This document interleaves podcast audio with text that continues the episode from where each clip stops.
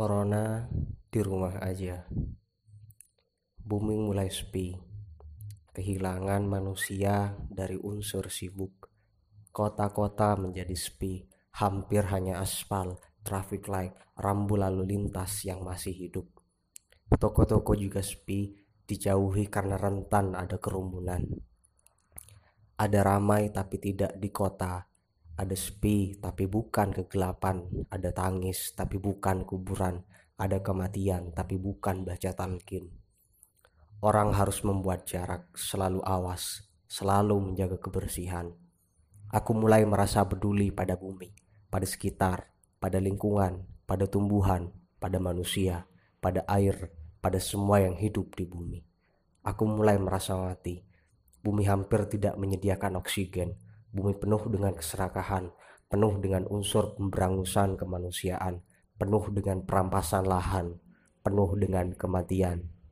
Tetap jaga diri untuk kita, untuk bersama, untuk keluarga. Jember 24 Maret 2020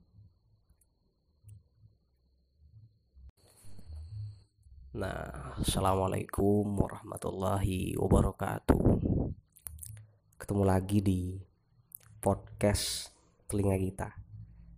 Nah, ulasan pertama di podcast ini Aku akan memberikan beberapa informasi yang mungkin bisa ya dianggap penting Untuk kita jaga semua Berhubung uh, kita hampir setiap hari dihantui oleh yang namanya COVID-19 atau virus corona ini. Nah, tapi bagiku kita tidak perlu uh, terlalu panik dan lain sebagainya. Cukup kita ikut petunjuk dari orang yang kita anggap bisa untuk kita dijadikan referensi tentang menjaga kesehatan, menjaga lingkungan, menjaga pola hidup dan lain sebagainya. Aku pikir ini yang lebih penting ketimbang kita panik ke mana-mana e, merasa takut dan lain sebagainya. Tapi yang patut dijaga adalah bagaimana kita mau menjaga diri kita sendiri, menjaga orang di sekitar kita, menjaga tetangga, menjaga siapa pun yang ada di samping kita sendiri. Nah ini yang penting. Nah untuk itu uh, aku menilai harus kematian mulai jamak ya ditemukan. Berita-berita media berusaha mengupdate secepat mungkin kasus ini ya soal COVID-19 dari soal kemunculan, penularan, ciri-ciri, angka positif, rumah sakit khusus, sampai yang paling penting pencegahan terhadap corona. Nah, berdasarkan info dari Tirto ID di Waktu itu di judul Update Corona 22 Maret, data dan sebaran kasus COVID-19 di Indonesia menjelaskan bahwa jumlah kasus positif corona di Indonesia per 22 Maret 2020 mencapai 514. Dari jumlah itu, 48 pasien COVID-19 dinyatakan meninggal dunia. Dan ditemukan 20 di 20 provinsi positif beberapa orang terjangkit COVID-19. Nah, adapun di antaranya nih, ada Bali, tiga kasus, dua orang meninggal. Banten 47 kasus, tiga orang meninggal. Di daerah Yogyakarta 5 kasus. DKI Jakarta 307 kasus, 29 meninggal. Jawa Barat 59 kasus, 9 orang meninggal. Jawa Tengah 15 kasus, 3 orang meninggal. 41 kasus di Jawa Timur, satu orang meninggal. Kalimantan Barat ada dua kasus. Kalimantan Timur 9 kasus. Kalimantan Tengah 2 kasus. Kalimantan Selatan satu kasus.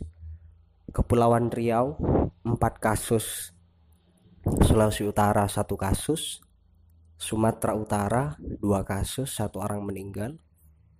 Sulawesi Tenggara ada tiga kasus, Sulawesi Selatan dua kasus, di Lampung satu kasus, di Riau satu kasus, Maluku satu kasus, di Papua dua kasus, dan ada enam kasus di lapangan yang hari ini masih dalam proses verifikasi. Nah, ini adalah uh, angka atau data yang aku cari di Tirto ID. Kita hampir menilai bahwa dari angka besar ini ia adalah sebenarnya bisa jadi ancaman bagi kita bisa juga dia adalah perhatian untuk kita semua yang masih dalam keadaan sehat untuk tetap mau menjaga lingkungan, menjaga diri kita sendiri, menjaga orang ada di sekitar kita. Lah orang hari ini banyak yang menyepelekan soal virus corona gara-gara tidak positif, tidak terkena tidak terjangkit dan sebagainya. Jarang ada di kerumunan. Ya it's okay. Mereka tidak terjangkit corona. Tapi kita harus tetap menjaga.